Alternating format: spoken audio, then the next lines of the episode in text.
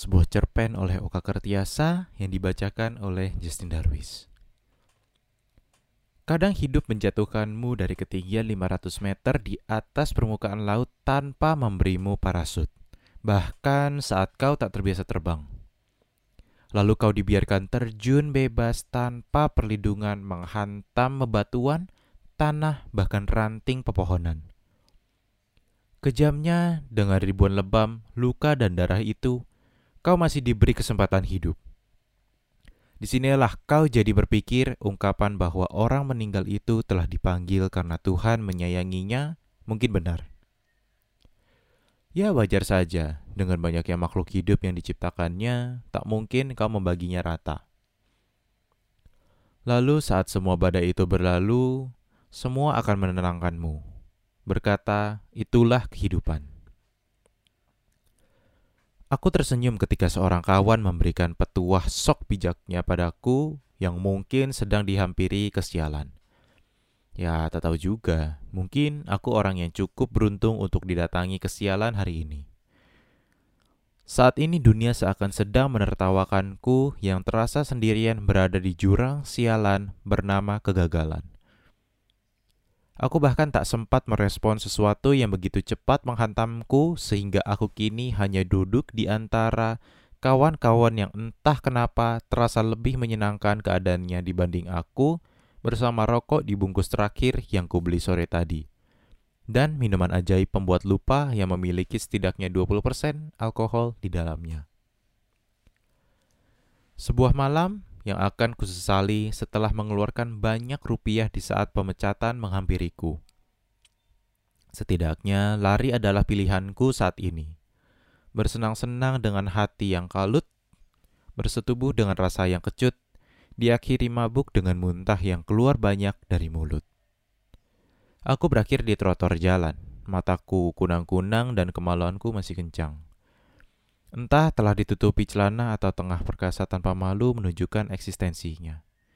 Teman-temanku lalu membangunkanku dan paginya aku terbangun di atas ranjang apartemenku yang jatuh tempo bulan depan.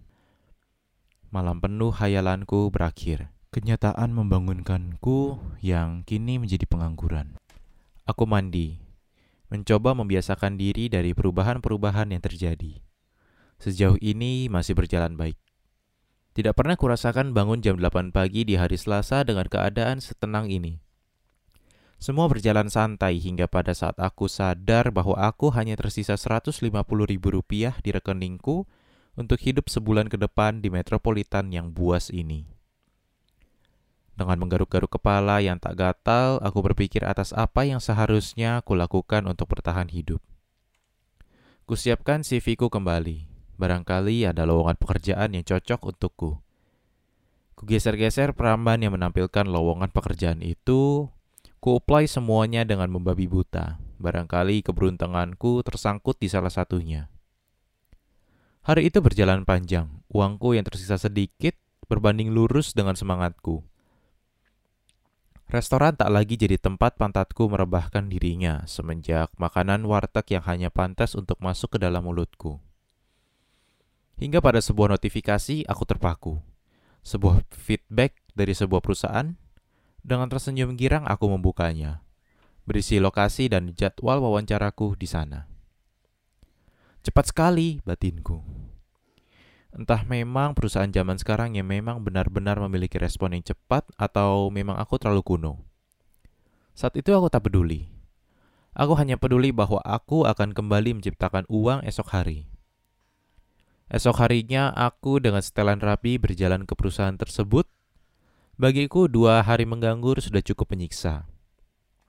Aku percaya diri akan diterima, sebab dari wujud kasat matanya terlihat bahwa perusahaan itu masih baru. Sepanjang perjalanan, aku tak memikirkan apa pun kecuali merebut kesempatan yang tiba-tiba datang kembali.